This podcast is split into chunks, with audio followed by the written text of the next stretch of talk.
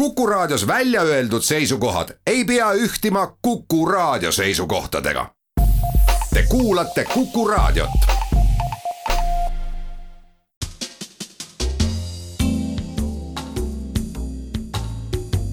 tarkade klubi kuku raadio Tarkade klubi tervitab häid kuulajaid Mihkli kuu teisel laupäeval, nädalal, kui sai kussutatud unelauluga pikemaks ajaks magama ussid nende maarjapäeval. ja ajal, kui valged küpsed klaarid ja Tartu roosid on menukaim suutäis, mida haugata, sisse teha, vahele panna ja kastide viisil lastelastele kaasa sokutada. olge homse tähtsa päeva ajal õnnitletud, kallid Eesti vanaemad ja vanaisad tänases Tarkade klubi stuudios viibijad on jätkuvalt seda meelt, et veel on aeg, kui õppetöö uuel õppeaastal on vahva, tunnid ja loengud veel värsked ja halbu hindeid ei ole e-kooli ega matriklitesse juhtunud. me oleme jätkamas sama vahva nelikuga, kellega nädal tagasigi lustisime. hea meel on tervitada stuudios armastatud folkloristi, õppejõudu, viljakat kirjutajat ja talletajat Marju Kuivupuud tere! Marju paarilisena aga kõige tema kirjutatu ja talletatu innukat neelajat, ettevõtjat ja kujundi ning kuvandi loojat, linnapea kandidaati Eesti kakssada erakonna ridadest Marek Reinaasa tere, tere! Marju ja Mareki vastastena siitsamast stuudiost tervitame ka hinnatud kauaaegset pedagoogi, filmisõpra, hungarofiili ja koduloo uurijat Andres Albere. tere! ja Andrese õpilast, materjaliteadlast, ajakirjanikku, koeraomanikku ja metsloomade abistajat Marek Strandbergi. tervist! meie tänase saate küsimuste teemad on taas kantud kooliprogrammist ja õppeainetest. täna siis loodusõpetus, perekonnaõpetus, maateadus, matemaatika ja vahetund küsimuste autorid on täna Kivimäe kooli ajaloo ja ühiskonnaõpetuse õpetaja Margus Pillau, Ingliranna patrioot Enno Sivadi, raadiokuulaja Tarmo Niinepuu ja siinkõneleja Timo Tarve. alustame ja anname täna avaliku õiguse õpetaja Albere ja õpilane Strandbergile. võtaks matemaatika ära. võtame matemaatika ära, ega me suurt seda ei tea midagi sellest, see on keeruline valdkond. distsipliin on keeruline.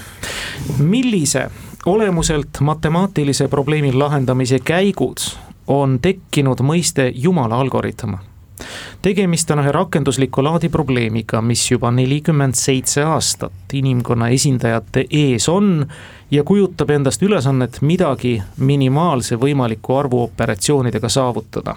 Mõiste autoriks on mullu kevadel Covidi tüsistusega lahkunud Cambridge'i, hilisem Princetoni matemaatik John Conway, kes jumalikkusena nägi põhimõtteliselt võrdlust asjade ja nähtuste algse harmooniaga küsitava algseisundisse tagasiviimisega seoses. see on siis sõnastatud kuskil aastal tuhat üheksasada seitsekümmend kolm, seitsekümmend neli. jaa, ma just mõtlen, et äh, see on kas millegi läbimine, algseisu viimine, millised noh, ütleme üks küsimus, mis aastast on olemas meil Rubiku kuubik? seitsmekümnendate lõpp. Rubiku kuubik on õige, Rubiku kuubiku kokkupanemine väidetavalt minimaalselt kahekümne liigutusega tehtav. jumala algoritm, kõik õige, kena. Marek ja Marju pärast vastaste positiivset algust. võtke ka matemaatika, see on väga põnev ala. meie oleme sihukeste pehmete väärtuste inimesed, et mis sa arvad perekonnaõpetus, see kõlab vist äh, küll põnevalt. see kõlab väga põnevalt, see on väga seksikas teema, võtame selle ja no, järgneb üksikute sõnade, fraaside või tervete lausetega moodustatud teatud kindlate mõistete loetelu. pange tähele, pudelikork, bambuse lõhestamine, naela kinnitamine, tangide pigistus, siidiuss ketrab kookonit, hiigellind tumeda mere kohal, punases koopas mängib fööniks.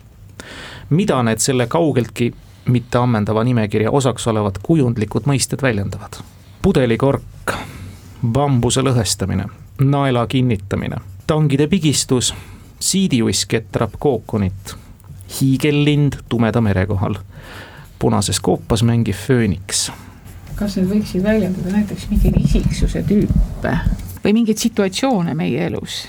Sellepärast, et eh, tänapäeval ju on nii-öelda pehmete väärtuste puhul ja, ja kõikvõimalikke natukene sellist esoteerika ja selles, ütleme sellises tavapsühholoogias kasutatakse väga imelikke väljendeid kirjeldamaks inimese tüüpomadusi või, või mingisuguseid tegevusi a la elevant elutoas ja, ja mis kõik veel. prooviks nagu võib, võib-olla seda mõistatust lahendada, hakata lahendama sealt, et kas see on kõik üks ja seesama tegevus või tähendavad need nagu erinevaid tegevusi, mida siis peaks nagu grupeerima, et noh, et kas, kas bambuse lõhestamine ja pudelikork on üks ja seesama asi või on nad mingi, mingi tegevuse sellised eriliigid, eks ole, et kuidas sulle nagu jääb, jääb kogu sellest asjast si mulje? siidiusk ja skoopkookonid tähendab minu jaoks, nad võiksid tähendada erinevaid asju eelkõige, aga nad peaks nagu jah, kirjeldama midagi, noh, me teame, et keegi ajab juuksekarva lõhki, eks ole, ta on pedant. Siidiuss, kes koob kookonit, võib olla inimene, kes on noh, nii-öelda sisse pööratud, et, et ta nagu kooma kesta. või näiteks see pudelikork, eks ole, et noh, mitu tükki neid oli, seitse või? aga see ei ole kaugeltki ammendav nimekiri, siin ah, mõned okay., mõned sai välja toodud mm. -hmm. see oli nagu esimene reaktsioon, mis mul tekkis, aga esimene reaktsioon ei, ei, ei pruugi tähendada üldse mitte midagi. ühesõnaga, ütleme nende sümbolite kaudu minu jaoks tahetakse meile midagi öelda, et need on nagu võrdkujundid. mõtleme selle peale ka, et see on perekonnaõpetus, et mida perekonnaõpetuse tunnis üldse õpetatakse meile, on sul aimu? Äh, seal õpetatakse igasuguseid asju õpetatakse, alates sotsiaalsetest oskustest lõpetades seksuaalkäitumisega, aga ma kuidagi nagu siit ei oh, siin on väga palju seksuaalkäitumist. väga palju seksuaalkäitumist puudutavad jah, osad asjad ja osad ei ole, just nimelt. kas need on kuidagi, kuidagi seotud eh, selle, eh, selle tegevusega, mida kaks täiskasvanud inimest üldjuhul omavahel toimetavad. kui sa nüüd niimoodi ütled, siis nendes kujundites võib näha ka seksuaalkäitumist iseloomustavaid võrdkujusid. loeme selle vastuse õigeks, vastus vajab nüüd täpsemalt öeldes küll vanemlikku selgitust, tegemist on Kamasutra mõnedega paljudest poosidest. seis on viigis üks-üks. Marek ja Andres, palun. valime looduse. Loodus, jah e,. loodusõpetus, sellest saab peagi kolm kuud, kui Tartus kauaoodatud kaheksas soome-ugri maailmakongress hübriidvormis aset leidis antud suursündmuseks valmistumise ajal juba paljastus ilmekalt Venemaal elavate suguvendade mittekadestamisväärne olukord, mis tegelikult aga ammugi kellelegi saladuseks ei ole olnud. me tahame nüüd siinkohal ühte nendest, Manse, solidaarselt toetavalt müksata ja küsime. Mansi keelest on üle kogu maailma levinud mõiste maasarv millega eufemistlikult kedagi või midagi suurt ja võimast tähistatakse ning seda teatud tähenduses ülemaailmses mastaabis. Öelge siis mõiste maasarv, meile tuntud vorm. kas see on geograafia mõiste? loodusõpetuse küsimus. loodusõpetuse maasarv. Uurali mäestik, seal nad elavad Uurali taga, ise elavad nad soos, paikne rahvas. Veel mingi geograafiline objekt üldtuntud mõiste, kõik teavad seda erinevate nimede all. Uureli mäestik jah, see on nagu väga loogiline ju. mis seal veel võiks lähemal olla ne, nende nii-öelda silmaringi võis, võis sattuda? see ei saa olla jõgi ega veekogu noh, ma ei usu, et seal näiteks on mingisuguseid või on äkki tornaadosid või vesipükse või tuulispaskasid. no miinus nelikümmend talvel kindlasti. no seal talvel ei ole midagi, suvel võib seal olla, kui maa kuumeneb, tekkida mingisugune kiiris, mida, kuidas meil nimetatakse, maasarve Tunguusi meteoriit kukkus järgmisesse nii-öelda regiooni sinnasamasse kõrvale kas võis jääda kuidagi mütoloogiline selline sümbol mm. püsima? oleme täiesti hädas. jääme Uraali mäestiku juurde.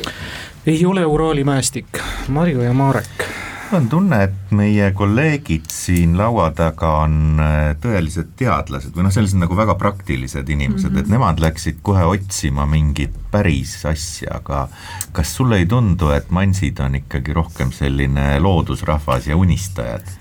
Nad on kindlasti loodusrahvas ja unistajad ja kindlasti on ka nende mütoloogias, nagu paljude rahvaste, metsarahvaste mütoloogias, mõned sellised mõisted, mis on üldlevinud ja see küsimus oli, eks ole, niimoodi sõnastatud, et kuidas siis seda maasarve nimetavad teised rahvad või teised kultuurid. meile, meile tuntud vorm meile tuntud vorm jah, ühesõnaga, mhm. et, et me ütleme sedasama asja teise sõnaga.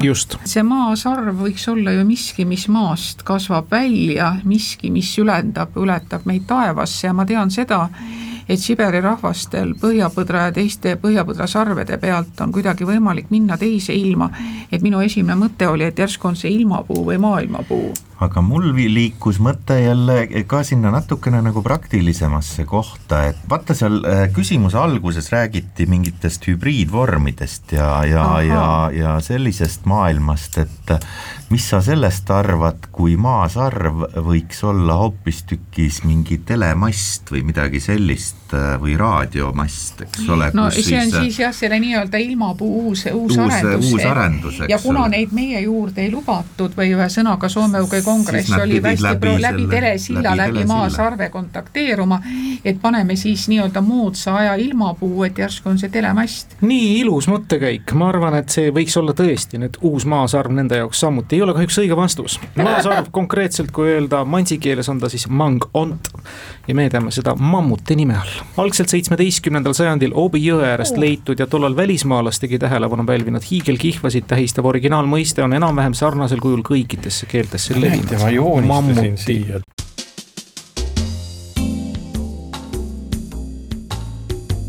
tarkade klubi. Marju ja Marek mida me võtame? kõike on saada. kakssada ja seened. Äh, ma arvan, et me oleme piisavalt keerulisi küsimusi juba mitu tükki vastanud, seetõttu on aeg vahetunniks. Tenno Sivadi küsib, Jaapani traditsiooni kohaselt peaks see ese olema valmistatud kevadel pajust, suvel kirsist ja sügisel ning talvel kastanist joonissarja peategelase Homer Simpsoni sõnul muudab selle eseme olemasolu mis tahes toidu maitsmise täiesti tasutaks. Gogoli raamatu Surnud hinged tegelasel Stepan Pljuškinil oli ka see ese muu prahi hulgas olemas, aga nägi välja, nagu oleks seda viimati kasutatud enne prantslaste sissetungi Moskvasse. Valeri Gergievile on see aga põhiliseks nähtavaks töövahendiks. mis ese see selline on? ega need ei ole ometi toidupulgad noh, ütleme igasugune loogika siin kipub küll niipidi olema, et, et see toidupulgad on, aga proovime nagu kontrollida, et see, millisest puust neid Jaapanis ja Jaapanis vist tehakse puust, eks ole. no mis puust neid tehakse, seda me ei tea, siis kas Homer Simson võiks äh, öelda, et äh, kui ma söön toitu pulkadega, et see on siis nagu tasuta, et it's like for free põhimõtteliselt küll, et noh, Homer Simpsoni näppe kõik mäletavad, neid oli enam-vähem kolm tükki ja need nägid nagu varbad välja, et see on nendega. ma jah ei kujuta ette, et nendega ja. pulkadega üldse nagu ma ise just mõtlesingi, et, et. minu jaoks kõige keerulisem on, on see Pljuškin pagan, et miks Pljuškinil pidid toidupulgad olema muu prahi sees. Sama siin. sest äh, see, et et keegi džentelmen ta... Valeri nende pulkadega mingit kunsti loob, no see on täiesti loogiline. aga ega see Pljuškin, et see mingis Jaapani sõjas ei käinud või sealt midagi kaasa ei toonud, ei usu mulle jäi muuseas kõrva ainult üks asi, mis natukene nende pulkade vastu räägib Nii. ja see oli see, et äh, minu arust saatejuht ütles äh,, ei öelnud nende kohta mitmuses, vaid ainsuses. jah. mis ese. mis, mis ese, ese, nii et mul on tunne, et see söögipulk on ei nagu liiga vist. loogiline siia, et, et äh, meie et selle lõksu võib-olla nagu vältisime. ühesõnaga, me oleme arutanud ja oleme leidnud, et see ese peab olema ainsuses, et need ei ole püksid, need ei ole käärid ja need ei ole pulgad. noh, ilmselt siin on ju mingisugune äh, toiduga tegemist asi, eks ole, et sellele vihjab see Homer, et mm -hmm. muidu võiks ju olla tõepoolest ükskõik mis asi mm, -hmm. aga, aga Homer sõi midagi ja siis ütles, et, et, et see söök on peaaegu nagu tasuta, eks ole. mõtleme, söögi puhul on sul vaja ilmselt mingit asja, kuhu see toit panna, ehk siis Nõus. kas see võiks olla mingisugune niisugune anum. mingi, mingi, mingi jah, anumalaadne asi või mingi taldrik või mingi vaagen või mingi sõel või pagan teab mida, kuhu siis Homer aga kuidas sa, kuidas sa puidust, noh, sõelama ei kujuta hästi ette, paju, kirsipuu, see on puit, tegelikult puit on hästi suhteliselt tugev paju üldjuhul maitseb aspiriini järgi, ma ütleks see väga tervistav. seda teadis juba doktor Hoffmann. et, et mis, mis see ese Jaapanis. mind painab see Homer Simpson, ma ütlen ausalt, et see peab olema mingi eriti, võib-olla on see mingi eriti loll ese, millega ta siis sõi, noh et kõik ülejäänud söövad noa ja kahvliga, aga tema sööb labida. näiteks labida või puukingaga või noh, et selles mõttes no,, et ta võis kasutada mingit nagu täiesti ajuvaba asja ja öelda, et noh, et, et kui sa puukingaga sööd, siis see söök on nagu tasuta. mis asi võib sul olla kaasas mis on eeldatav, mida saab teha igal juhul puust ja mis annab sulle võimaluse tasuta süüa, noh, ütleme asi, mida ma mõtlesin muuseas, on prussakas ehk siis, kui sul on prussakas kaasas, poetad selle pudru sisse ja siis sööd selle tasuta ära, ütled, et näed, teil oli prussakas. kas prussakat on võimalik puust teha peaaegu? aga teine asi on see, mida sina, ma kuulasin sind praegu, et, et see, et Jaapanis, sa ütlesid, et Jaapanis on see ese, aga see ei tähenda seda, et teistes kultuurides seda eset ei tunta. mina langesin otsekohe nii-öelda nende toidupulkade lõksu väga alatult, Jaapan, ahah, puittoidupulgad, eks ole, läksime. aga, aga võib-olla on hoopis sedasi, et tegelikult tuntakse ka mitmel pool mujal, aga lihtsalt jaapanlased teevad seda nii-öelda rituaalselt eh, erinevatel sessioonidel elik aastaaegadel. Nojah, puidust prussakast jah puidust roosakas, see oleks hea vastus. selle, sellele küsimusele võiks kohe anda. peale soove ma kujutasin ette, et te lähete aga süva kuida- kohta ja lajatad laua. Reinaasal kindlasti juba mõlgub toode peas, puidust roosakas või ta saab visata pudru sisse. ja palun, siin on odav ja see on tehtud pajust ja see on kallis ja see on tehtud kirsist, eks See on ole. aga, aga äh, mul küll ei löö, no mitte kuidagi ei Ei, löö ette oot. Seda eset, mis sul on kaasas, kui sa lähed sööma ja selle olemasolu annab sulle õiguse tegelikult tasuta toidule. tead sa, tead sa mis? Ei, mitte kark, vaid puujalg no ühesõnaga, puujalg, puujalg ühesõnaga põhimõtteliselt protees, jalaprotees. see on absoluutselt hull, hull vastus praegu, aga tõepoolest kark või jalaprotees. kas Pljuškinil vedeles seal muu roba hulgas kark või puujalg? Sa küsisid, mis ese see on või kuidas see, mis ese see on? sest kui sa ikka lonkad niimoodi rõõmsalt, rõõmsalt kohale, eks ole, kargu või toit on puujalg. tasuta. nii, ja see Jah. Valeri äh, Georgiev Gergijev, Gergijev, tema jaoks on see igapäevane Töövahend. Nähtav töövahend. nähtav töövahend ta. kirjab. ja nüüd ongi küsimus, kas kark või puujalg? pakume kark. Ei ole kark, väga vahva loogika viis teid selle pagan, ma vastuseni. lootsin, see, see palun, Andres tõstis kohe sõrme. Äh, liiga palju vastased äh, keerutasid Homer Simpsoni ümber, Valeri Gergiev on maailmakuulus dirigent, sünditud üheksasada viiskümmend kolm, pärit Põhja-Kaukaasiast, olen teda kuulnud ühel õhtul, meie ERSO mängis Šostakovitšit ja Dubinat ja taktikepp või? Dirigendi kepp., loomulikult, loomulikult, kuidas saab dirigent, tal on veel üks teine töövahend ka, aga absoluutse muusikalise kuulmisega inimene seda ei vaja, see on helihark, aga see on ikkagi taktikepp, mida ta vajab. kas sa täpsustad, Andres? aa, mis puidust siis või? ei, vaat see ongi see lugu, et see ei saa olla metallist, see on ta ei kasuta aga ta ei kasuta. taktikeppi, ta kasutab dirigeerimisel hambaorki, vaat see on see, mida me tahtsime vastusena teada. aga väliselt nad võiksid ju sarnased võiksid olla sarnased, aga see on hambaork, mida kasutab Gergijev ja ta ei kasuta kunagi ka dirigendi nii-öelda pjedestaali, see oli õige, Gergijev on dirigent, kes eristub siis oma kolleegidest selle võrra, et ta ei kasuta taktikeppi. me oleks jõudnud hambaorgini umbes viienda mõttega pärast seda, kui ma oleks pakkunud kõigepealt välja pesapallikurikas. aga Simson teab, et proovimiseks alati ju degusteerimisel pannakse hambaorgid vorsti või juustutüki sisse ja see on tunnistus sellest, et Ja, see ja. toit on tasuta. Mis puudutab sellesse Pljuškinisse, siis ta oli üks patoloogiline koguja, kes ei raatsinud midagi oma kogust ära visata ja kuna tal ei olnud hambaid, siis ta lutsis vahetevahel oma hambaorki, mille väljanägemine muutus seetõttu ebaesteetiliseks, nii et hambaork oli see vastus. jube hea küsimus. see oli hea jah see oli tõeliselt hea küsimus. Marek ja Andres, palun. võtame maa, maa, matemaatika, siis on matemaatika ära küsitud. nii, ja on konkreetne matemaatiline küsimus. rühmas, kus on vähemalt kakskümmend kolm inimest, näiteks tüüpiline kooliklass, on tõenäosusteooria järgi enam kui viiskümmend protsenti võimalik, et mis on siis võimalik?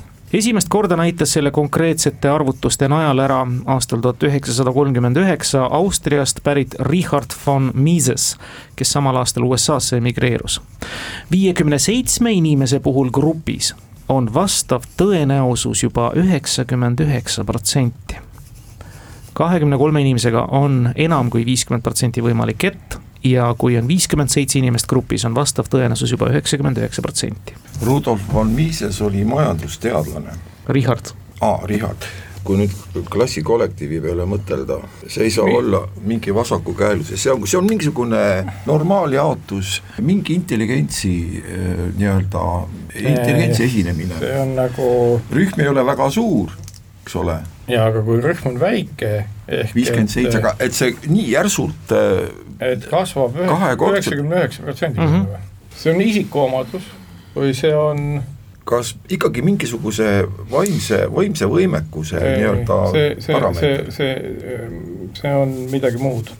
see on see, mis on nagu no mõtleme, et mis saab kasvada arvukuse kasvuga, see on see, et nagu näiteks, et äh, teine ülesanne, et äh, mitut inimest on vaja, et need kaks inimest, äh, kes seal rühmas on, omavahel siduda. kui inimeste hulk kasvab ja kasvab ka tõenäosus, siis kasvab üks asi, mis on nagu täiesti gar- garanteeritult kasvab, see on nagu noh, sugulusseos. korrelatsioonis ja et mida rohkem inimesi, seda suurem on tõenäosus, et selles, selles rühmas on sugulasi. ütleme noh, mingisuguse astmeid pidi. kui on kakskümmend kolm inimest, siis on see nagu miinimum, et äh, tõenäosus, et seal on nagu mingit moodi sugulasi on viiskümmend protsenti, aga kui juba viiskümmend seitse inimest, siis tõenäosus, et selles on nagu mingisugune noh, ma ei tea, mitmeastmeline sugulusahel on nagu aina suurem, et noh, inimkond on niimoodi arenenud.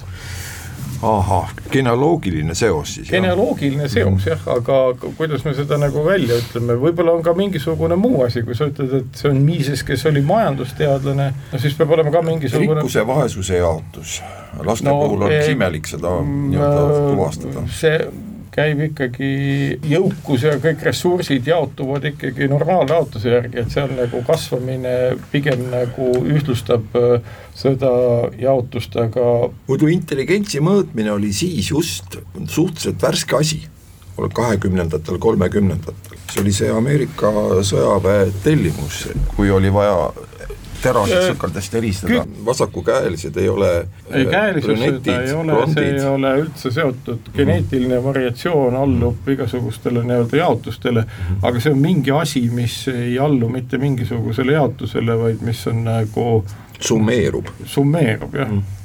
ehk kahekümne kolme inimese puhul on selle tõenäosus pool.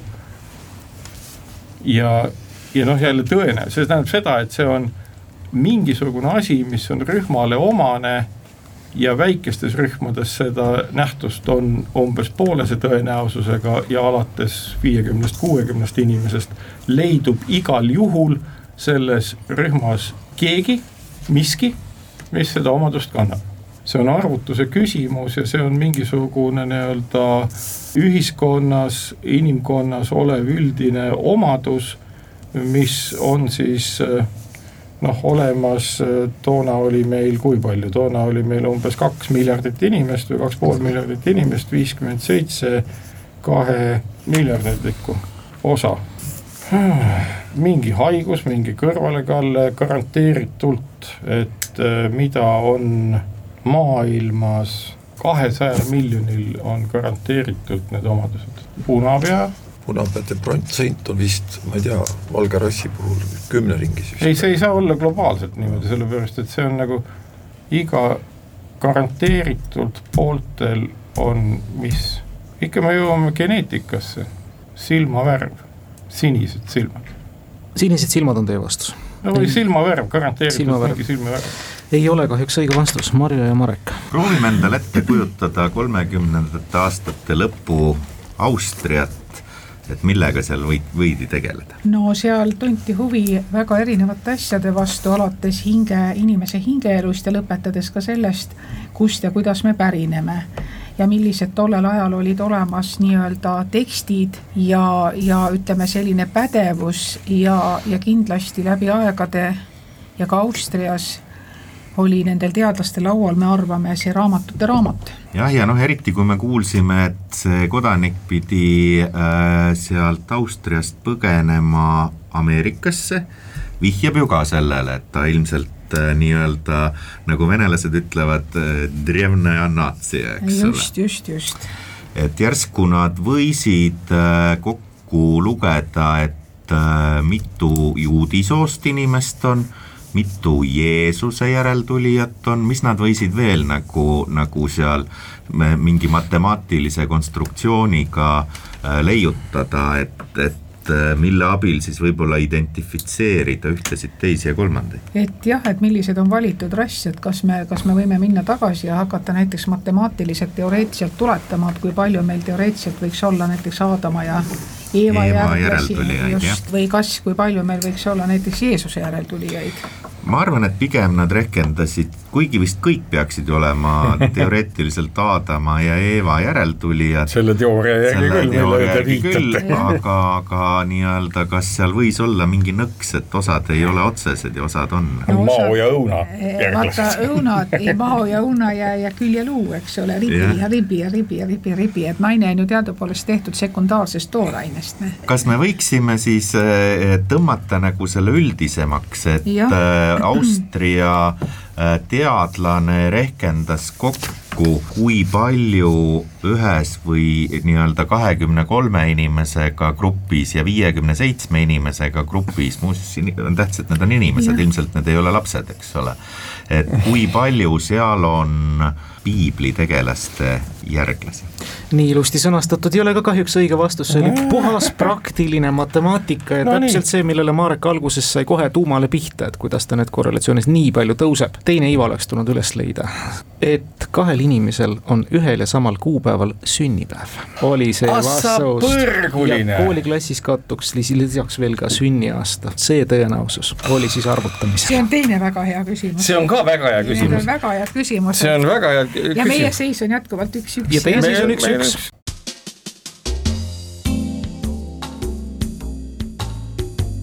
tarkade klubi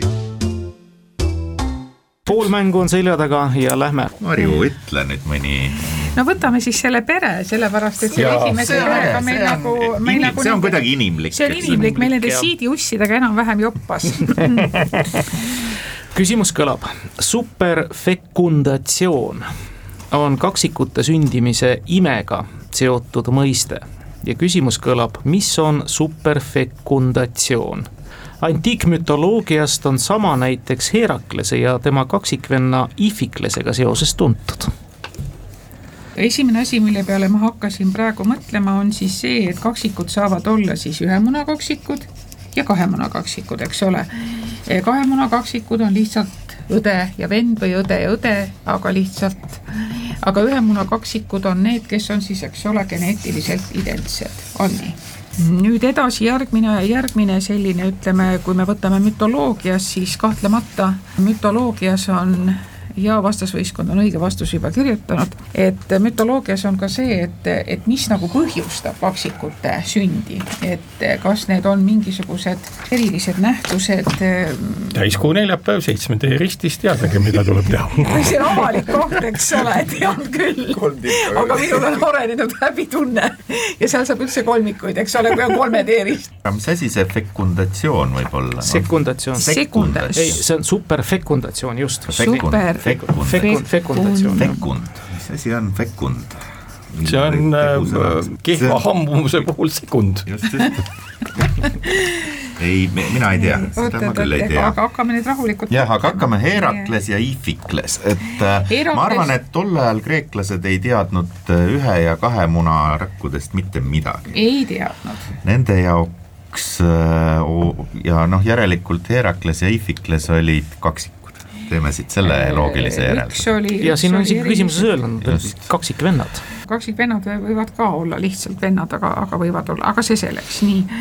üks oli neist hästi tugev, ühesõnaga üks on, eh, kuidas ma ütlen, on olemas mingi selline arvamus, et, et kui kaksikud sünnivad, et siis on ühele on antud rohkem, et üks on tugevam, andekam, targem ja teine. see, kes kiiremini välja tuleb teine jääb hapnikku vaegusse. sa rikud ka kõik väga ilusa ära, eks ole et on nagu, nagu vanasti öeldi, et on kahe peale üks mõistus, et nad ei suuda nagu, suuda nagu teineteiseta toimida. ja aga ei, ei, ja siiani kaksikud nad ju ei olnud. kas nad ei, eh, kui me mõtleme nagu superfek-, fekundatsiooni peale, et see peab olema järelikult seal jällegi perekonnaõpetuses õpetatakse sellist asja nagu see superfekundatsioon mm. -hmm. ja täna lapsed on meil teemaks teemaks superfekundatsioon superfekundatsioonil on et prooviks nagu, nagu ette kujutada, mida on võimalik jällegi no, perekonnaõpetuses kaksikutest õpetada, no see, vaat sellepärast ma, sellepärast ma sinna ühe nii-öelda siis ühe ja kahe muna kaksikute juurde kohe ka jõudsin, jätsin selle lihtsalt ütlemata, et mida nagu õpetatakse, kui sarnased nad on.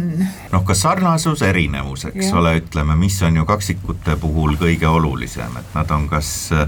sarnased, siis see on üllatav, eks ole, või nad on täiesti erinevad, et, et näed, et tulid on nagu kaksikud, kõik ülejäänud kaksikud on sarnased, aga vot need on täiesti erinevad. ja nüüd mõtleme sinna Kreekasse, et mida nad võisid ette kujutada, et, et need ju on, eks ole, jumala pojad, vist on ju mm. niimoodi, et kas see superfekundatsioon ei tähenda, et nad on nii-öelda siis kõrgemalt poolt viljastatud jumalate, jumalate lapsed, aga samas tavalistel inimestel ju sündis ka kaksikuid.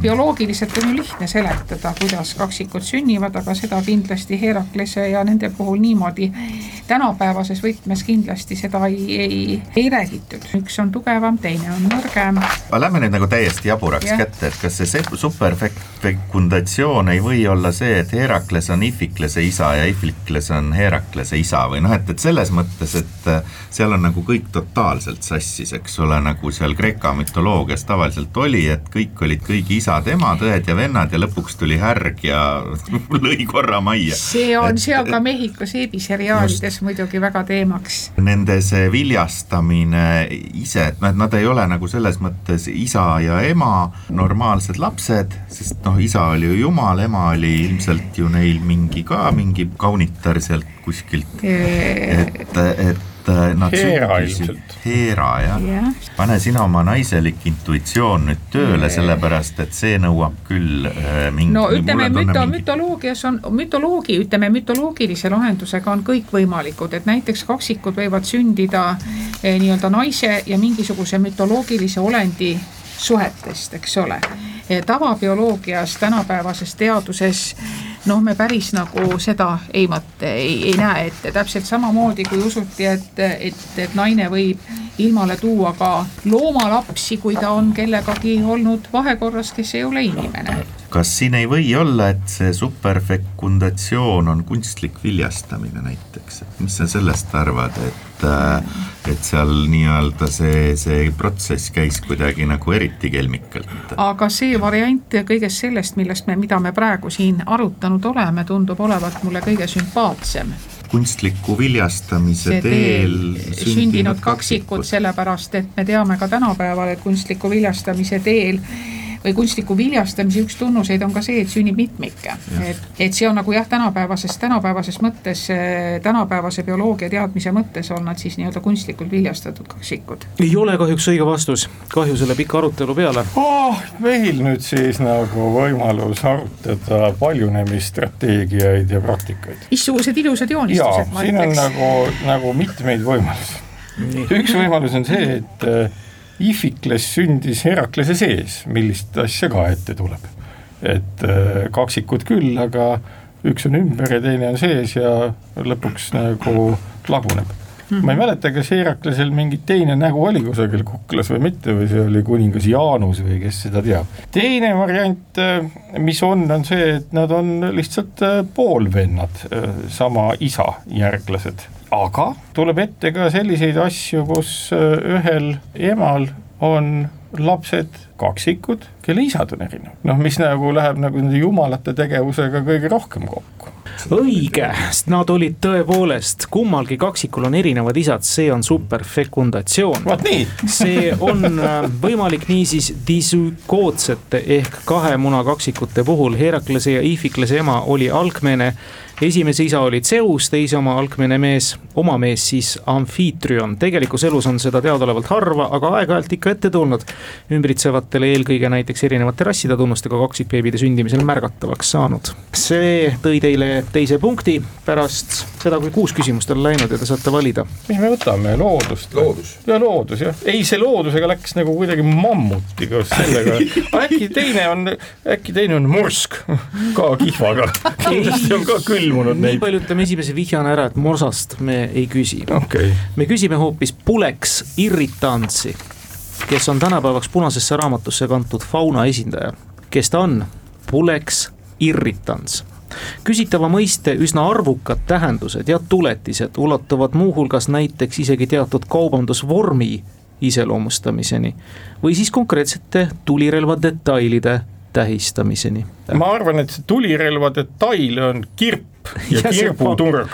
kõik õige, see tuleb välkvastusena peaaegu siit ja tõepoolest, see tuleb paljudele ehk üllatusena, aga Pulex Irritants alias kirp on kantud punasesse raamatusse juba. see on nüüd kolmas punkt, äkki saime üle paisu ja Marju Marek.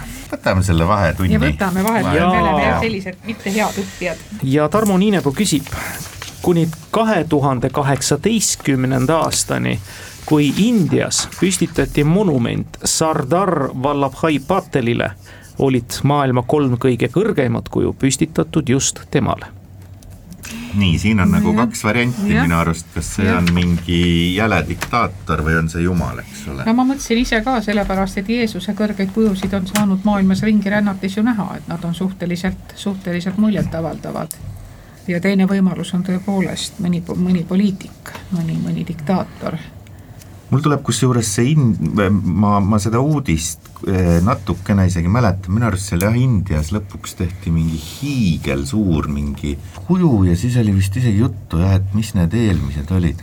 seal muuseas ei tasu välistada ka tegelast, kelle nimi on Buda, sellepärast mm -hmm. et mhm. minu arust nad seal ehitasid neid budakujusid ka, mingeid hirm paneme punkti, see on Buda. tõepoolest Buda. osad neist lamasid ja võisid ja. olla väga ja. pikad. kolm kõrgeimat kuju oli tõepoolest kujutatud Buda. no meil oli ka see vastus olemas.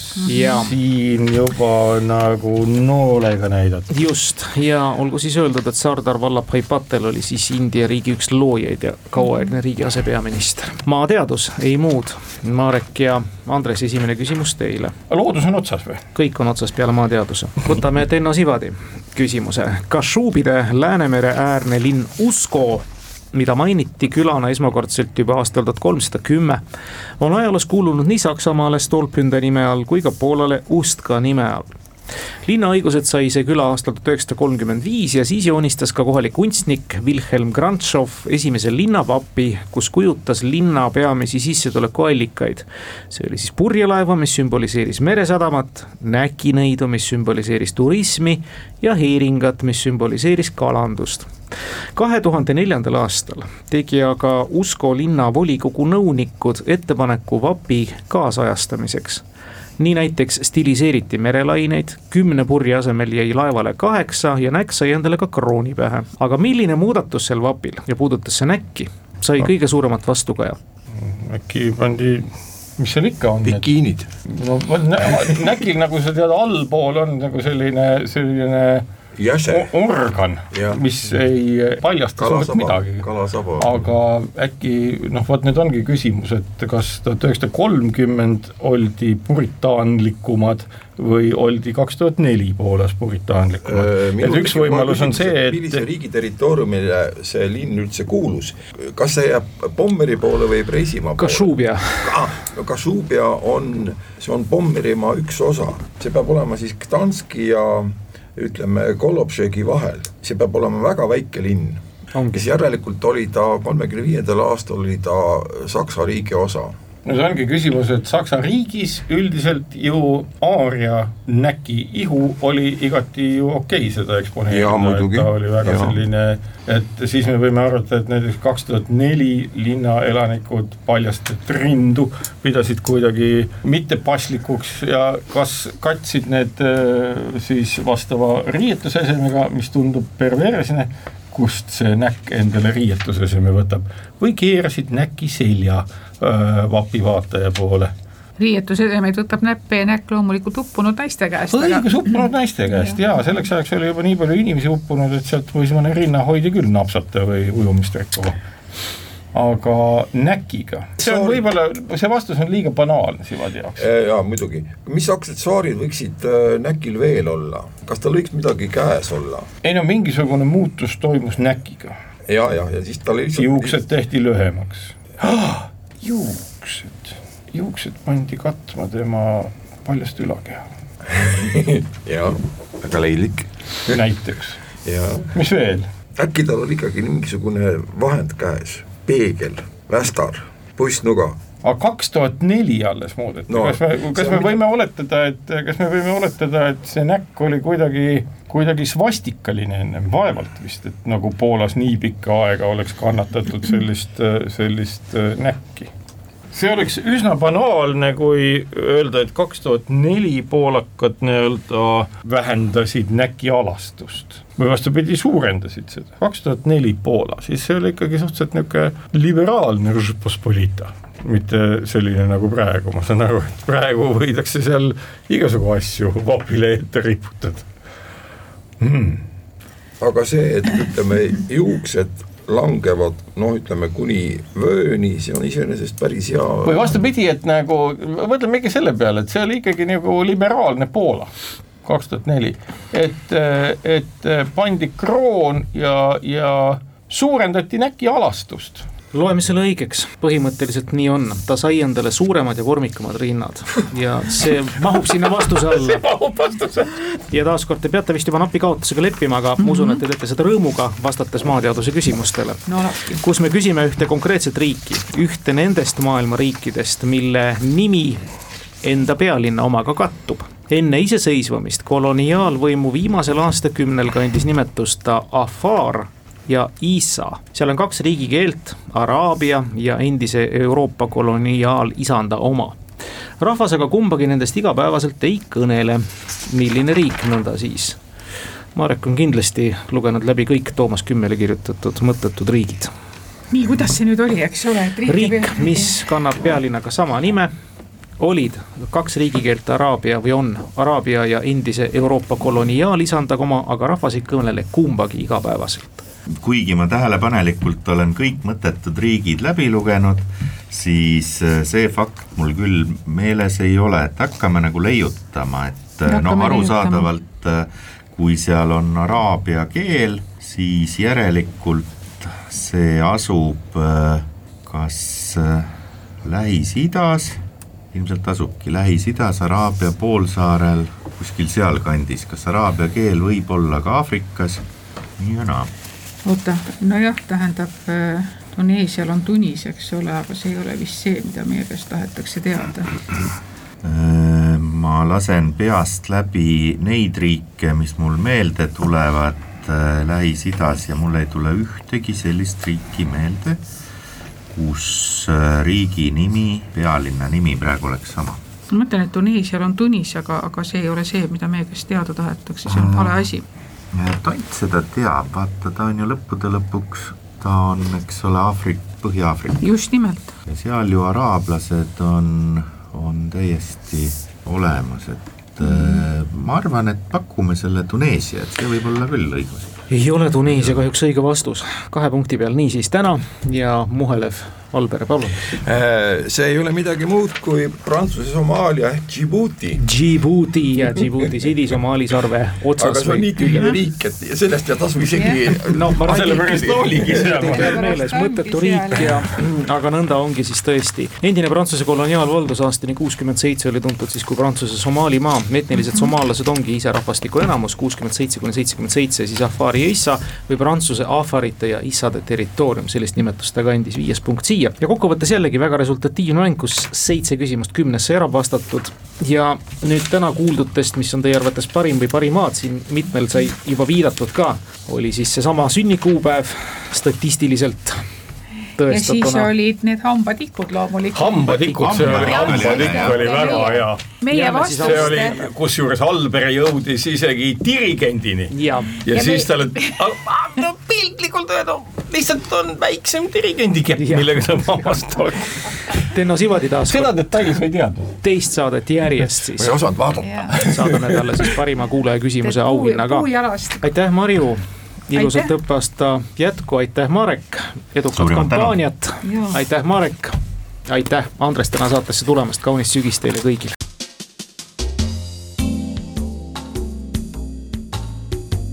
tarkade klubi